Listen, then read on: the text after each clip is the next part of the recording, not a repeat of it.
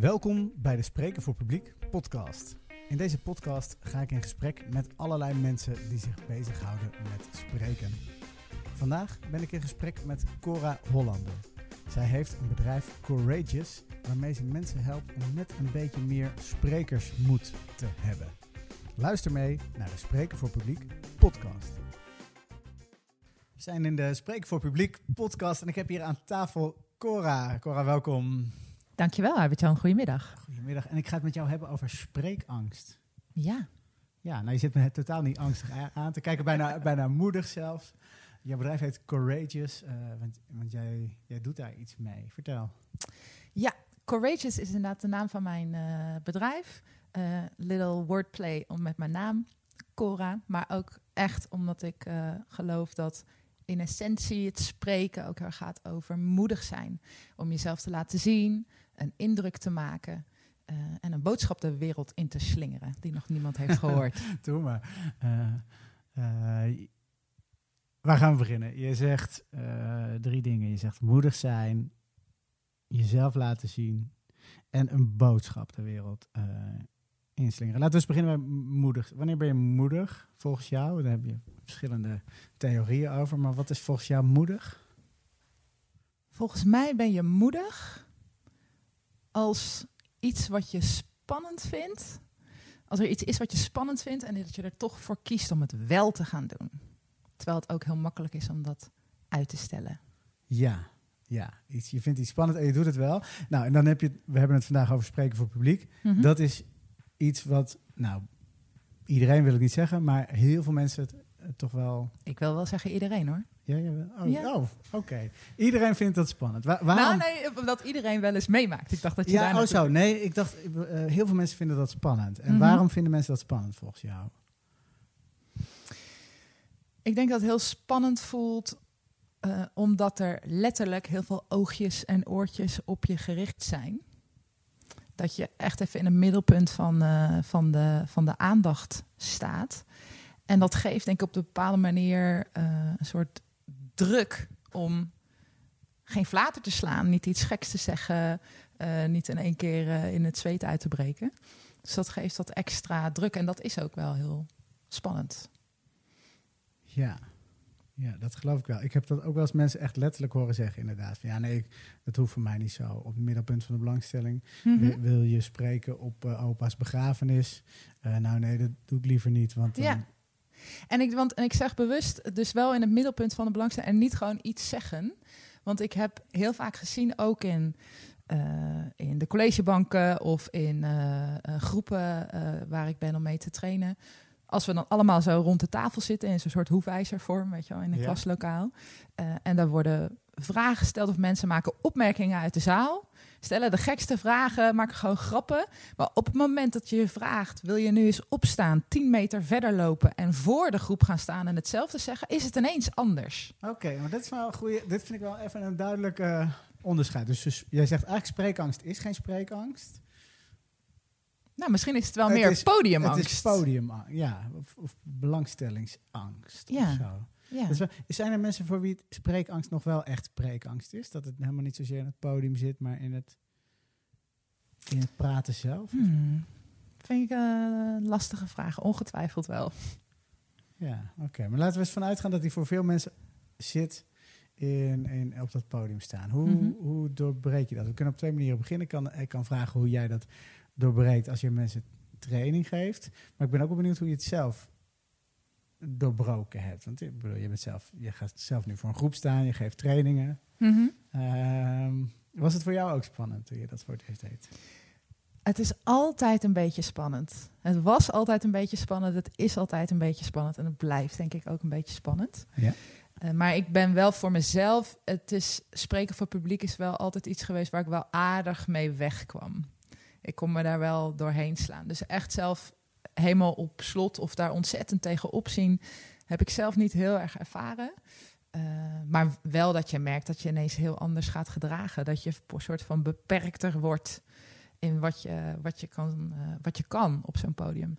Dus dat is iets waar ik ook dan naar kijk en ook mensen dan bevragen van wat, wat, ge, wat gebeurt er als je spreekangst ervaart? Eh, misschien ga je wel in één keer heel hoog praten. Of zit je adem heel hoog. Of ga je, wat ik zelf zeker in het begin heel erg had, is dat je met je handen in elkaar, zeg maar, voor je, voor je buik staat. Een beetje Ja. te wringen. Eh, Heel- bij sommigen. Heel snel praten heb ik ook Ja. vaak gezien. Mensen van alsof het een soort eindstreep is. Ja. Van nou, als ik klaar ben, dan kan ik weg. Ja, dan heb ik geen fouten gemaakt. Dan heb ik gewoon mijn verhaal verteld en dan is het klaar. Precies. Maar het kan er ook wel eens uitzien eh, als iemand die zegt continu van met zijn gewicht van de ene op zijn andere been gaat wiebelen. Snap je wat ik bedoel? Ja. Dat, dat het een bijna soort klompendansje wordt, zeg maar. En dat is, dat is een, gewoon een uiting van de spanning die dan in je lijf zit. Eh, en wat in mijn beleving wel heel goed werkt, is ook als je dat herkent van jezelf. Van, oh ja, zoals voor mezelf, als ik het echt, echt spannend vind, dan ga ik, word ik een beetje strak in mijn schouders, gaat mijn adem wat hoger zitten en heb ik de neiging om een beetje soort je armen voor je lijf te slaan. Als soort, nou, er moet nog eens een evolutionair psycholoog iets over zeggen, maar dat is vast iets van, eh, ik moet me beschermen of zo. Ja? Eh, en als je dat herkent, kun je ook heel actief proberen dat om te draaien. Zeg, Ja. oké, ik ga bewust laag ademen, schouders los. Eh, en dan ben je dus niet zozeer bezig met, oh ja, ik moet niet bang zijn nu. Want dat werkt niet zo goed. Of ik moet niet zenuwachtig zijn nu. Maar kun je wel de, de, de tekenen die dan in je lijf naar voren komen, gewoon actief proberen om te draaien. Ja, dat is echt wel dat fysieke focus. Maar dat is wel, eh, want je zegt de meeste mensen hebben podiumangst. En je moet het leren herkennen. Eh, maar goed, voordat je daar bent of voordat je daar aankomt, moet, zul je dus toch even het podium opgeschopt moeten worden. Hoe doe jij dat met mensen die, eh, die, dit, sp- die het spannend of eng vinden? Heel voorzichtig. ja? Heel voorzichtig, ehm, maar wel uitdagen. Dus als ik, ehm, kijk, het heeft, het heeft denk ik ook geen zin als je echt zo angstig bent om te zeggen, ja, eh scheid, ga maar gewoon voor 500 mensen een TED-talk doen, want je kan Ja. het heus wel. Dat is denk ik, dat gaat, dat is niet meer stretchen, dat is gewoon breken, zeg maar. Ja. Dus ik probeer dan te kijken van, hé, wat, is een, wat is een uitdaging die bij jou past? En als dat betekent, ik ga één minuut iets zeggen in een Zoom-call met vijf mensen, eh, want dat vind ik al knetterspannend, dan gaan we dat doen. Ehm, ik, ik, ik zal nooit vergeten, ik mocht een keer training geven ergens eh, aan een groep administratief medewerkers, Ja. diep in Zeeland. Dat was een hele, een hele mooie rit er naartoe. ja. En er waren vijf dames. Eh, en die eh werkten al heel lang met elkaar. En die kwamen bij mij op training. En die zeiden, die openden ook gewoon met... Hoi Cora, vind het hartstikke leuk dat je er bent. Maar, maar pitchen, presenteren, al dat soort gekkigheid... dat is niks voor ons. Dat, dat wordt gewoon niet wat. je, bent- eh, je zegt nou, ik draai wel weer om, ik draai wel weer terug. ja. Dus ik zei, ik dacht... ik kan nu twee dingen doen. Ik kan Ja? zeggen, jawel, dat gaan we doen. Of ik kan gewoon even een beetje provocatief zeggen. Oké, nou, dan gaan we gewoon thee drinken. Ja, is goed. Dus ik ben met die groep gewoon gaan zitten. Eh, en eh, vertellen. Zo, iemand was aan het vertellen van, nou, mijn dochter is net bevallen. En over de kleinkind. En een heel verhaal. En iemand anders over de pony. Of over iets wat ze in het nieuws hadden gelezen. Ik zei, nou, leuk. Wil je me een plezier doen? Wil je nu eens opstaan, drie meter lopen, daar bij de muur gaan staan en datzelfde anekdotetje nog een keer vertellen? Gefeliciteerd, je hebt gepitcht. Ja, je bent het gewoon al aan het doen. Je- Ja, dat is dus wel we grappig, want je zei net, de mensen die in de zaal, die, inderdaad, die zijn al grappig of die durven een vraag te stellen. Dus, maar eigenlijk is dat gewoon allemaal spreken. En, en hier, hier benoem je dat dus letterlijk tegen Ja. iemand. Ja, ja. en dan, dan ga je gewoon op zoek naar van wat kun je, wat kun je daar wel, eh, wat, wat is voor jou de stretch? Ja. Want het is denk ik ook, misschien is dat niet per se sprekersangst, maar misschien wel gewoon angst overwinnen in het algemeen. Eh, denk ik, je moet het toch proberen op te zoeken, het meemaken en dan realiseer je, hé, hey, ik leef nog steeds. Ja. En dat- ja, en dat- tien keer Juist, en dat 10 keer, 25 keer, 100 keer doen. Ja. Eh, en dan wen je er ook aan dat je gewoon echt niet sterft. Ook al kom je een keer niet uit je woorden. Ja. Eh, en toch die blootstelling een beetje opzoeken Ja, en en dan merken dat dat oké is. Dat is volgens mij de beste manier. Nou, en ik herken dat nu wel met comedy, eh, zeg maar. Daar eh, begin je ook met een paar minuten. Weet je? Mhm. en, en, en iedereen weet als, als MC, als presentator, van oké, als er nieuw iemand is, kan het zomaar zijn dat hij na één minuut zegt, oké jongens, dit was het, en dan wegloopt. Dus die zal ook altijd in de buurt van het podium blijven om daarna de boel op te vangen. En vanaf daar ga je het gewoon opbouwen. Ik ben nu ook op een punt dat, je, dat ik denk, nou ja, ik kan een, een uur op een podium gaan staan voor mensen die een kaartje gekocht hebben. Mhm. En het kan een goede voorstelling zijn. Het kan eh bagger zijn. Hè, wat, ik echt, wat ook echt niet voor mij een leuke avond is dan. Maar ik, ga, ik overleef het wel. Dat, dat, dat, dat zit wel bij mij nu een soort van verankerd. Dat ik denk, oh ja, ik deins daar niet per se voor terug. Ja. En als je denkt, als je dat dus kunt verankeren in jezelf, dan weet je ook wel dat je daarop terug kan vallen. En dan kan je weer de volgende, de volgende level opzoeken. Ja, ja, ja. Laten we het even. Nou, dit, ik vond dit een mooi, eh, mooi moment eh, even om een pauze te hebben. We gaan het zo meteen even hebben over het volgende level. Oké. Leuk dat je luistert naar de Spreken voor Publiek podcast. Deze podcast is een initiatief van sprekenvoorpubliek.nl. Een trainingsbureau waar jij kunt leren om een betere spreker te worden. Het volgende level. Daar zijn we dan. Mhm. ik ben even heel benieuwd, eh Cor. Jij, eh, ik weet dat jij heel veel ervaring hebt eh, als, als, als spreker. Dus ik ben wel even benieuwd welke, welke levels jij allemaal aangetikt hebt, wat je allemaal, eh, allemaal gedaan hebt. Waar, waar begon het voor jou? Het begon door mijn moeder. Ja, echt waar. mijn moeder is een hele belangrijke Ga persoon ze in mijn leven Ga gebleken. eens op de strijkplank staan. Ja. De- Nee, niet, niet zozeer op de, op de strijkplank. Vroeger als kind, eh, mijn ouders moesten me alleen maar afremmen. Want die zeggen, dat, dat, dat, dat kind dat babbelt zoveel, dit kan niet anders. Die wordt advocaat of politicus of zo, die houdt nooit de klep. Dus dat, in het begin hebben ze dat eigenlijk alleen maar afgeremd. Eh, maar eh, eh, later, veel later was ik al aan, aan het studeren. En mijn moeder werd zelf gewoon lid van een sprekersvereniging. Dat heet Toastmasters. Ja. Is een not-for-profit organisatie, heel wereldwijd netwerk van, van clubs, van mensen die met elkaar publiek spreken, oefenen. Eh, en allerlei leiderschapskwaliteiten. nou, zij was daar naartoe gegaan met het idee van ik wil ook gewoon comfortabeler zijn als ik me moet manifesteren in, eh, in vergaderingen en op werk. Ja. En zij was helemaal enthousiast. Hij zegt, oh Cor, je moet echt een keer komen kijken. Maar En ik- enthousiast in de zin van het is gewoon leuk. Ja, Ja. Het, echt leuk. Van, het is zo'n leuke ervaring en een hele leuke mix van mensen. Eh, en iedereen brengt z- zijn eigen verhaal mee. We geven elkaar feedback, hartstikke gezellig. Derde helft, ook belangrijk. echt leuk. En je dacht, oh ja, mam is goed. Ja, is mooi, mooie hobby van jou. Maar het klonk voor mij echt heel... eh, een beetje nerdy. Ik dacht, alles, nou, alles wat je moeder doet, toch? Is ja, dat, dat in ik mijn dacht, geval het is wel. toch mooi. Ja. maar toen eh, eh, was ik, moest ik naar het ziekenhuis en toen moest ik even een paar dagen bij haar herstellen. En zei ze, nou had ik een aantal dagen binnen gezeten, weet je wel, dan zie je het niet meer zitten en je wordt gewoon een beetje bleek. Zeg, weet je wat jij nodig hebt? Jij moet een keer mee naar een meeting. Kom, we gaan naar, we gaan naar Toastmasters. En Huberton, ik was gewoon te zwak om nog weerstand te bieden. dus ik dacht, ik ga mee. Eh, toen ben, eh, zijn we naar een meeting geweest. Dat was toen eh, ook nog in het park een keer. En, hartstikke leuk. We hadden ze ook een ronde met improvisatieoefeningen. Daar worden gasten ook altijd heel erg aangemoedigd om mee te doen. Toen won ik het lintje voor de beste nieuwkomer. En toen dacht ik, hé, hey, kijk, misschien is dit geplant. toch wel echt leuk. En wat, hoe ziet zo'n dag er dan uit? Toastmasters is dan een club waar ge, wordt. Ja. Hoe, hoe ziet zo'n eh, zo'n bijeenkomst er dan uit? Wat, Ja, heel in het kort eh, is een meeting van een uurtje of twee. Eh, gemiddelde club heeft denk ik eh 25, 30 leden. En dan zijn er op een avond met militaire precisie getimed, echt, want dat is ook een sprekerskill, time management. Ehm, zijn er drie of vier of vijf voorbereide speeches. Ja. Die worden ook ter plekke eh, geëvalueerd, dus van, van feedback voorzien door iemand die dat plenair dan eh, analyse geeft. Eh, en nog een blok met, met improvisatieoefeningen. Dus dan krijg je gewoon een zin, een vraag, een voorwerp. En mag je daar 1 tot 2 minuten iets samenhangends over zeggen?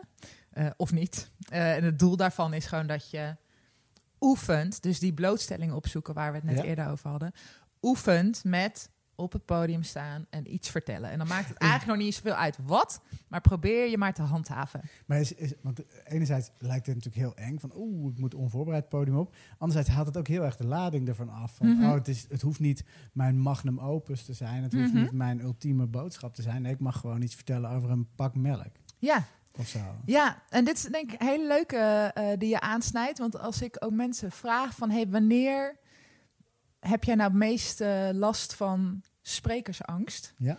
Dan hoor je, hè, is dat voorbereid of onvoorbereid? Dan vinden veel mensen, niet iedereen... maar veel mensen vinden voorbereid fijner dan onvoorbereid. Tweede dimensie is, is het voor een grote of een kleine groep? Nou, veel, veel mensen voor een kleine groep is comfortabeler dan voor, voor een grote groep. En nog een derde dimensie kan zijn voor mensen die je kent of die je niet kent. En veel mensen zeggen, nou, bekend publiek is, is prettiger. Dus bekend, klein en voorbereid voelen voor heel veel mensen fijn. Maar er zijn ook Ja, mensen die zeggen... Dit is, dit is het engste. Dit is, in mijn boekje is dit ook het engste Nee, wat er check. is. Dus voor mij, Ja. zeg, doe mij ehm, een zaal met 500 man die ik niet ken. je mag gewoon iets doen. Ja. Eh, dat voelt voor mij veel eh, risicolozer of zo. Voor mij persoonlijk. Wel als het contract met de zaal is dat jij onvoorbereid bent. Als, Ja, als de zaal verwacht van oké, hier komt een Cora een avondvullende eh, cabaretvoorstelling geven. Je moet een uur lang onvoorbereid eh, op podium staan. Succes daarmee. Dat wordt wel... nee, dat is wel wat anders. Dat is wel wat anders. Eh, maar als ik mag, maar mag freestylen voor, voor een grote zaal die je niet kent. Dat Ja. op, voor mij persoonlijk maakt dat het veel makkelijker. Want ik heb me... Als het niet goed gaat, kan ik niet tegen mezelf zeggen... Sukkel, had je je maar beter moeten voorbereiden. Dus daar hangt op, op de een of andere manier wat minder van af. Ja, en, ik denk niet een een plaatje grote- in je hoofd van wat, hoe het kan zijn. Of Nee, hoe het, eh, ja, precies. ik voel deze helemaal. En een, en een grote zaal voelt, eh, brengt ook. Ik heb er echt over nagedacht, wat is dat nou? Maar volgens mij is dat ook, dat is een soort extra sfeer, misschien een beetje een extra ambiance. Wat het ook makkelijker maakt om een beetje dat showjasje aan je, te trekken. spe- je kunt veel groter spelen. Ja. Je kunt de, de, En als het ik, verschilt eh, heel erg per persoon hoor. Dit, want ik, eh, Ik Zeker. heb ook wel eh, in, in Comedyland zie, zie je ook gewoon mensen die het standaard beter doen in een grote zaal en wat minder goed in een kleine zaal. Dat zijn vaak de gasten die een wat agressievere houding hebben of meer scheid aan de wereld, die echt de deur binnentrappen bijna als het podium opkomen lopen. Dat soort gasten doen het heel goed op een grote zaal. Want het is Mhm. meteen, daar staat iemand. Ehm, terwijl mensen die wat meer klein, heel miniem, intuïtief, langzaam spelen. eh, dat is, dat is, werkt veel beter in een kleine setting. Dus Mhm. dat is ook gewoon een stijl ding, misschien. Die, eh, Die heel persoonlijk is. Ja, als je zelf zegt, Ja. nou, ik vind als je een beetje bombastisch mag zijn, als je herrie mag maken, als je zelf wat theatralere stijl hebt, dat komt veel beter ook tot zijn recht, inderdaad, in een grote zaal. ja, een kleine zaal maak je gewoon kapot. Die Ja. denkt van, oh, doe even normaal, man. Ja. Dat is gewoon de, Ja. dat, eh, ah, dat is wel, wel grappig om te, om te merken dat je dat zo ervaart. Ik, ik vraag me wel af, want je zegt onvoorbereid is makkelijker, maar volgens mij kun jij nooit meer echt onvoorbereid zijn. Hè? Als je gewoon jarenlang bij Toastmasters geoefend hebt, improvisatieoefeningen hebt gedaan. Eh, kijk, als iemand die bij jou begint in training het over onvoorbereid heeft, heeft hij het niet over jouw manier van onvoorbereid zijn. Nee, dat is wel, dat is wel fair. Ik denk wel dat, eh, dus als voor mij is onvoorbereid van ik heb niet woord voor woord echt meer dan 24 uur van tevoren Ja. bedacht wat ik ga zeggen. En ik denk door het, door het vele doen en het vele eh, ook heel veel gewoon improvisatieoefeningen oefeningen doen. Eh, d- en dat kan ergens in een club, maar dat kun je ook voor jezelf organiseren. Kom ik zo nog even op terug.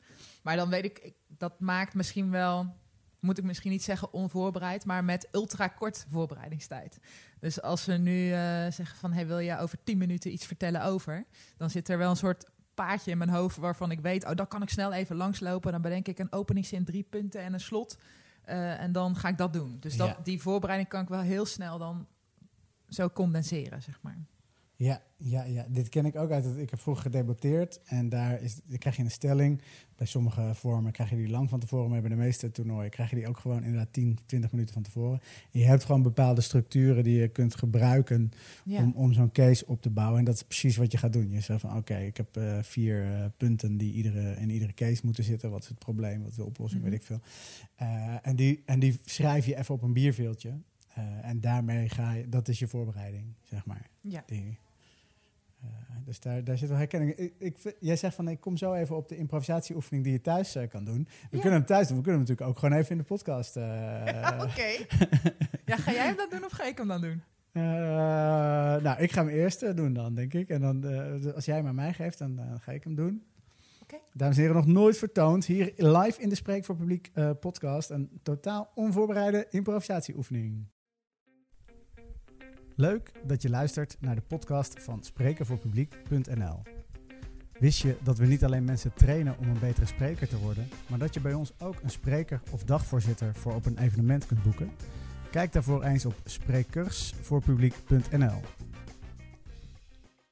Herinner je je nog de serie De Smurfen? Ja, Ja. Als jij een dag in het Smurfendorp mocht leven, als welke Smurf zou jij dan graag door het leven willen gaan? dan eh, ik zou die, eh, die eh, ijdele smurf zijn die de hele dag in de spiegel kijkt. Vertel eens waarom.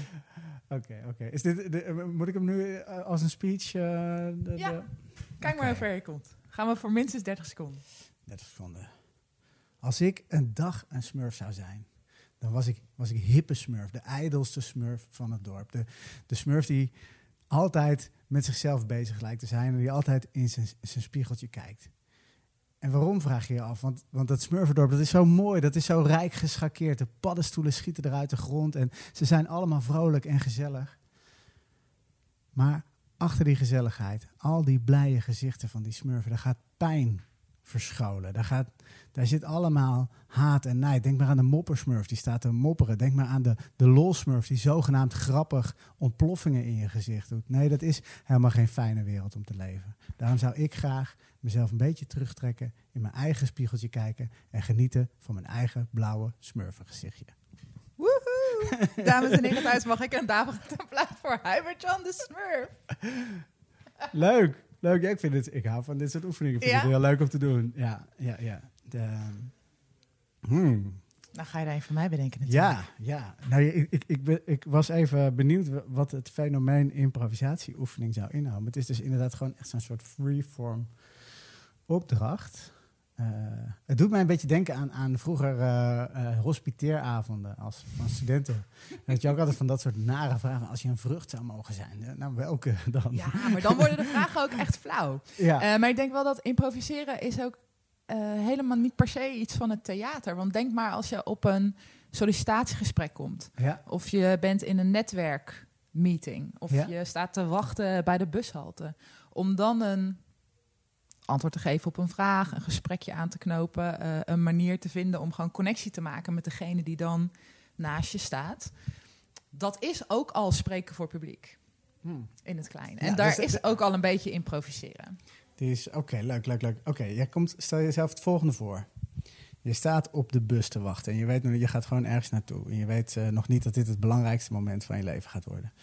Op het moment dat de deuren van de bus eh open gaan, komt daar de persoon naar buiten eh, die je totaal niet had verwacht en die jou een hele wijze les eh, meegeeft. nou, ik ben heel benieuwd naar dit verhaal. Ik, ik geef jou ook even die hele korte voorbereiding. Klets de tijd wel even vol. Dames en heren, we gaan luisteren naar een hele bijzondere ontmoeting van Cora met haar inspirator, haar goeroe, die haar een hele wijze les mee heeft gegeven bij de bushalte. Dames en heren, mag ik een daverend applaus voor Cora? Het was een druilerige donderdagmiddag. En ik stond in het midden van de stad, hier in Utrecht. En ik moest naar Zuilen. Mijn fiets was kapot, dus dat ging hem niet worden. Dus ik ging met de bus. Nou, ik had al even weer mijn OV-chipkaart eh, opgezocht.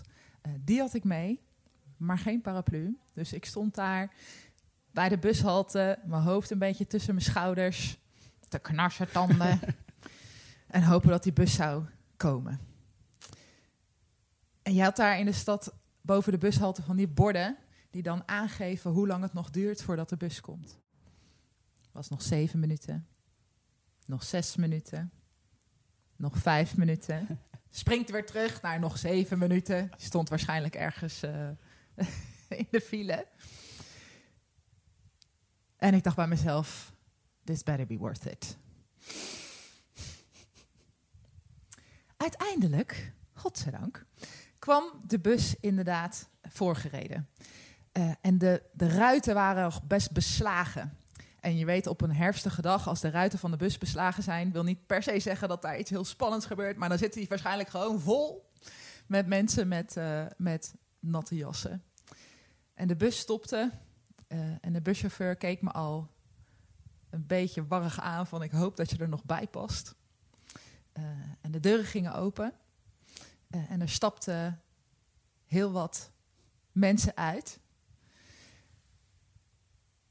Ging een vader en een moeder met een buggy eruit, wat, wat, wat jonge studenten. En ik kon er nog net bij. Ik kon er nog net bij.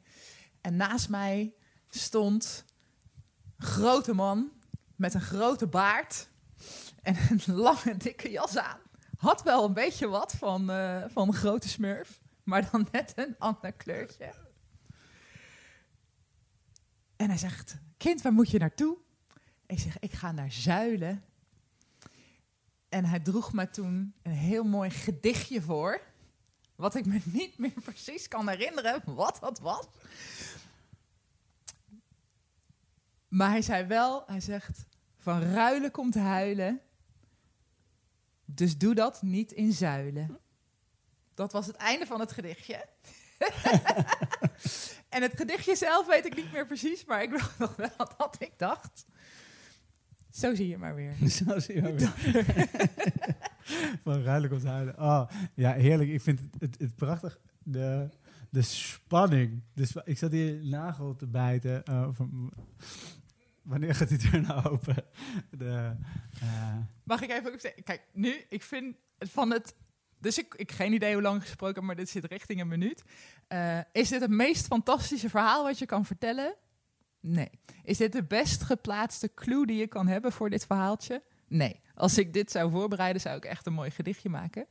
Um, maar de, de, de techniek die ik nu wel toepas, is zeggen: oké, je wil om iets, een, om iets een boeiend verhaal te maken. Want jij geeft me meteen terug. Nou, ik zit hier wel echt in spanning naar je te luisteren.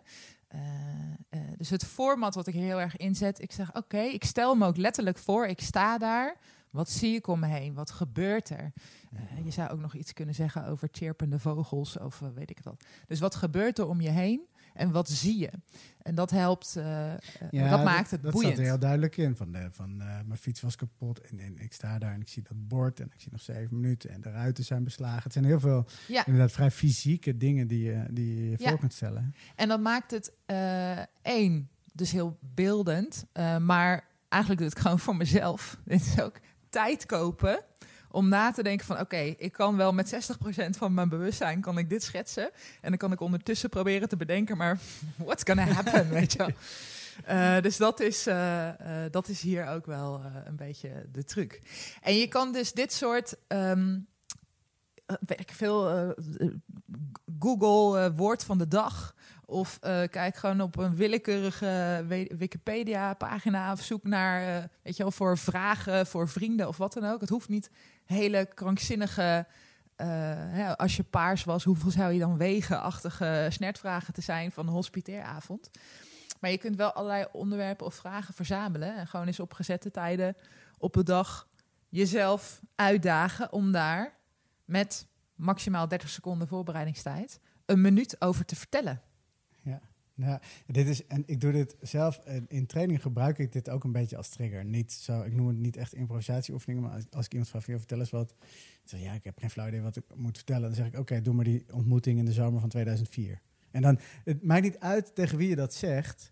Er komt altijd een verhaal. Mhm. En misschien is dat in het echt de zomer van 2003 geweest. Maakt niet uit. Ja, Want het is natuurlijk altijd de ontmoeting, de terugkeer, de, de verrassing, de whatever. De, Ja.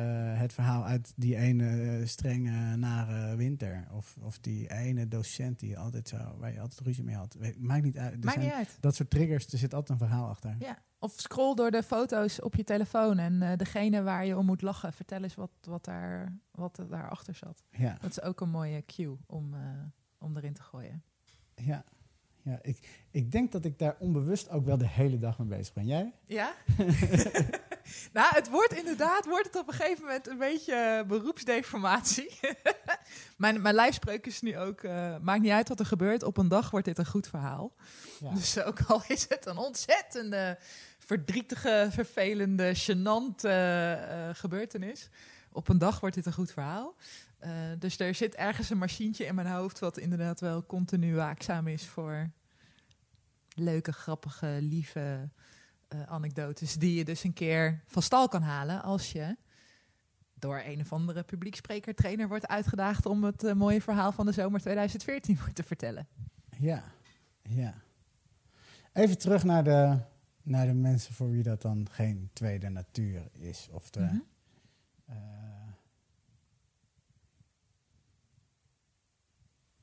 Want je daagt ze een beetje uit tijdens een training om dat te doen. Mhm. En dan kan ik me best voorstellen dat, dat je dat treetje nog wel... Ik zie dat zelf ook in, in trainingen en zo. Dat je dat treetje neemt en dat je denkt... Oh, nou, kan eigenlijk best wel. Ik heb Mhm. een verhaal verteld over de bus of het Smurfendorp of de... Een huisdier, favoriete vakantiebestemming. Het hoeft niet heel gek te zijn. Ja, en dan, het is allemaal leuk en aardig, maar na die training moet ik tijdens de town hall meeting op mijn werk, moet ik ons nieuwe product presenteren. Of ik moet met de in de raadsvergadering het nieuwe beleid verdedigen. Want dat zijn natuurlijk echt de situaties waar al die mensen inkomen, eh, waar druk op staat. Want als je dat niet goed doet, krijg je misschien niet je promotie, of is je baas ontevreden, of komt er weer een klap werk achteraan waar je niet vrolijk van wordt. Hoe, hoe, ehm, hoe kunnen mensen zich daarop voorbereiden? Voorbereiden is hier een heel saai, maar ontzettend belangrijk woord. Dus waar we nu vooral mee hebben gespeeld, is hoe kun je dat nou comfort trainen door ook Ja. onvoorbereid eh, te gaan spreken. Maar als je zegt op het moment dat er echt wat van afhangt, en als het dus voor jou belangrijk is, dat- dan hangt er wat vanaf. Ja. Wat voor setting dat dan ook eh, is. Eh, en dan is het nog waarschijnlijk ook spannend, omdat het een beetje onvoorspelbaar voelt. Want kom ik wel uit mijn woorden? Vergeet ik niet iets? Eh, gaan ze wel naar me luisteren? Ben ik wel verstaanbaar? Nou, en dat zijn onzekerheden die je met voorbereiding een heel stukje kan eh, intrimmen. Eh, dus ik, ik zelf, als ik denk echt van hé, hey, dit, maar hier gaat, hier gaat het ergens over en hier is het ook belangrijk dat ik met de juiste woorden naar voren kom. ben ik zelf wel van de school om echt uit te schrijven wat ik wil zeggen. Oké. Want dan zie ik het ook. Dit is niet de enige strategie. Dit is ook een beetje persoonlijke voorkeur. Om echt uit te schrijven. eh, wat wil ik zeggen? Ik ben zelf ook visueel persoon. Dus ik vind het ook fijn om gewoon dingen eh, te zien. Ja. En eh, je kan dan ook heel goed inschatten hoe lang iets gaat duren. En of het misschien wel heel lang duurt voordat je bij je, bij je punt komt. En weet je, als je aan het spreken bent om dan nog in je structuur te gaan lopen schuiven, dat lukt niet zo goed. Maar als je het in je voorbereiding voor je ziet, eh, wel. En is het schrijven dan ook niet eh, al eng? Kijk, daar zit natuurlijk wel... ehm, als je spreken eng vindt, Mhm.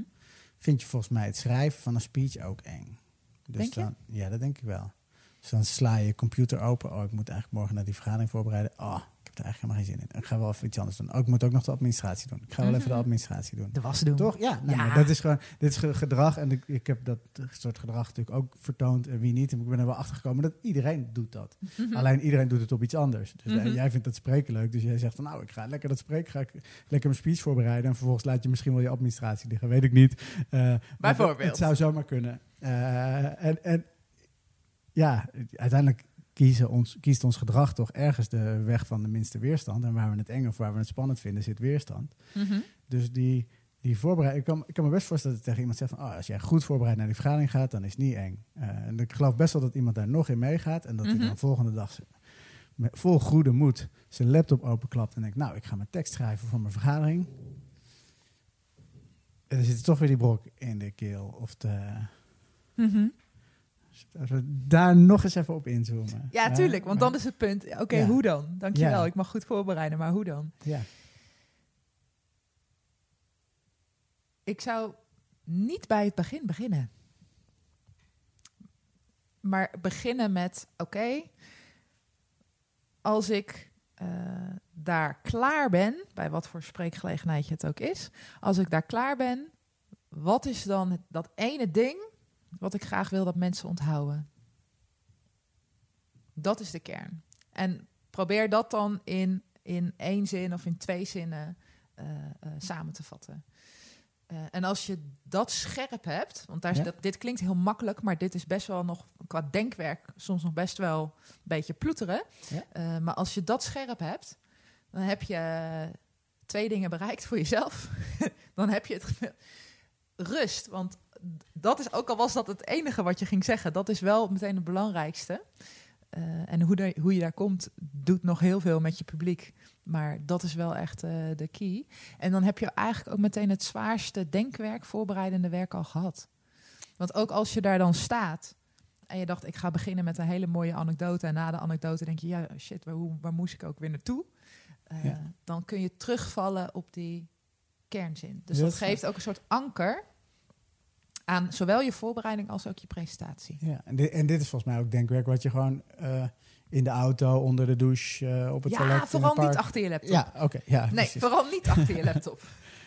Ja, ja, ja, Ja. vind ik een hele goede tip. En het dan inderdaad door, door, door te zeggen van nou, het moet ook maar één zin maken, dus, eh, dan wordt het ook klein en, en behapbaar. En nou, Ja, daar durf ik misschien wel aan te beginnen. ja, precies.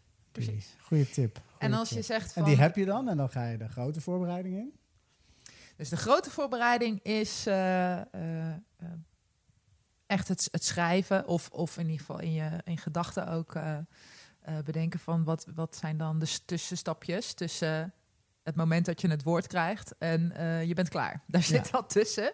Ja. Dus wat wil je, wil je daar gaan doen? Eh, door het uit te schrijven helpt mij in ieder geval ook heel erg om goed in te schatten hoe lang iets gaat duren. Ja. Want ik kan eh, prima beginnen met praten of beginnen met schrijven en dan eh, denken dat kan in een paar minuten, maar dat duurt altijd te lang. Dus ik weet voor mezelf, vuistregel, 100 woorden, 1 minuut. Dus heb jij vier minuten spreektijd gekregen, ga ergens tussen de 350, 450 woorden zitten. Ja. En als je dan denkt, ja, maar ik heb mijn, first, of, mijn eerste concept is al eh, 8000 woorden.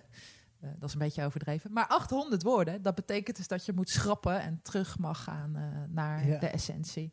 Dus dat hele schrijfproces is ook echt een slijpproces.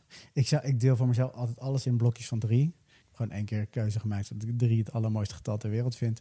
Eh, en, en met mij talloze theaterregisseurs en dergelijke. En, een levensbeschouwingen. toneelstuk heeft gewoon drie actes en zo. Dat zit altijd.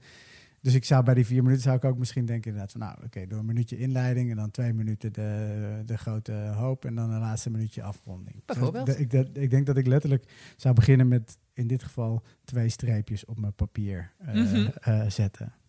Eh, en, die, en het middenstuk dan iets groter zou maken. Zoiets. Bijvoorbeeld. Die, eh, En mijn schrijfproces gaat ook vaak zo.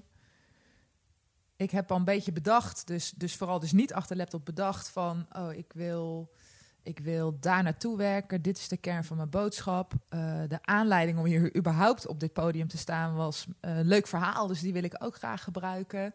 Eh, zo heb ik een paar ingrediënten.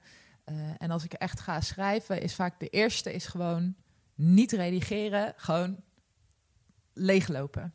Eh, en ik, dan weet ik van, dan is het een beetje ongestructureerd en een beetje allemaal veel te lang. En misschien nog wel wat dubbelop.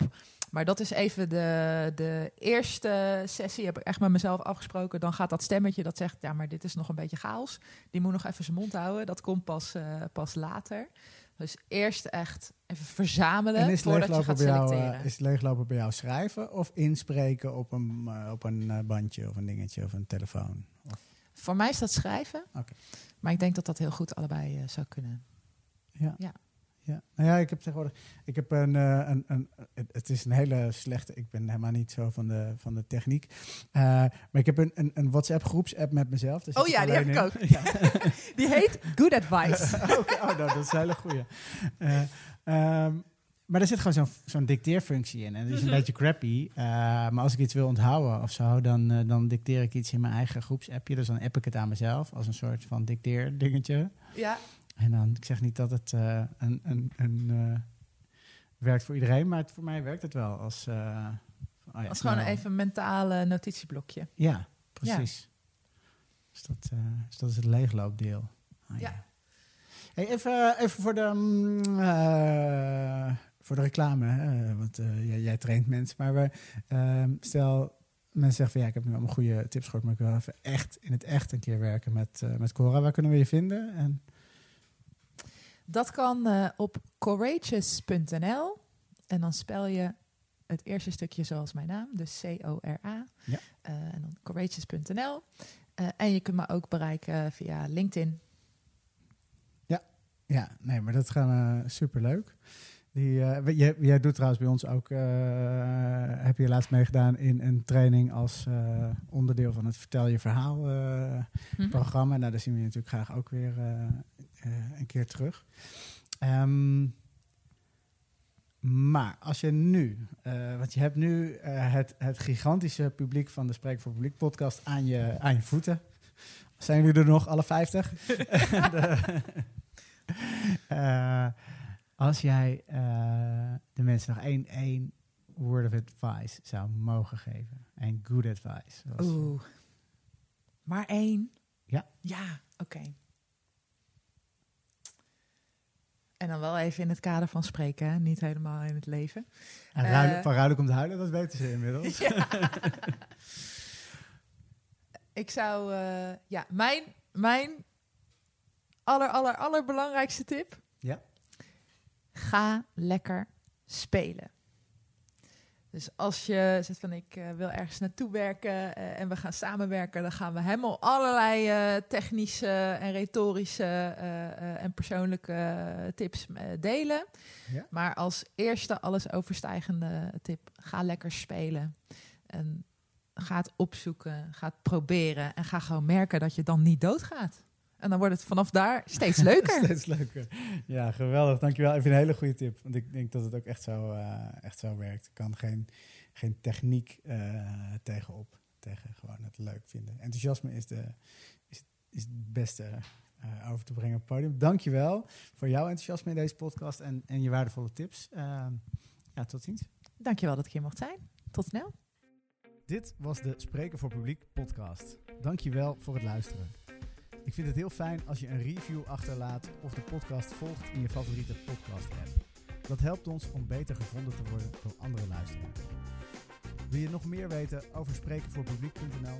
Dan kun je ons ook volgen op Instagram of op LinkedIn. Dankjewel en tot snel.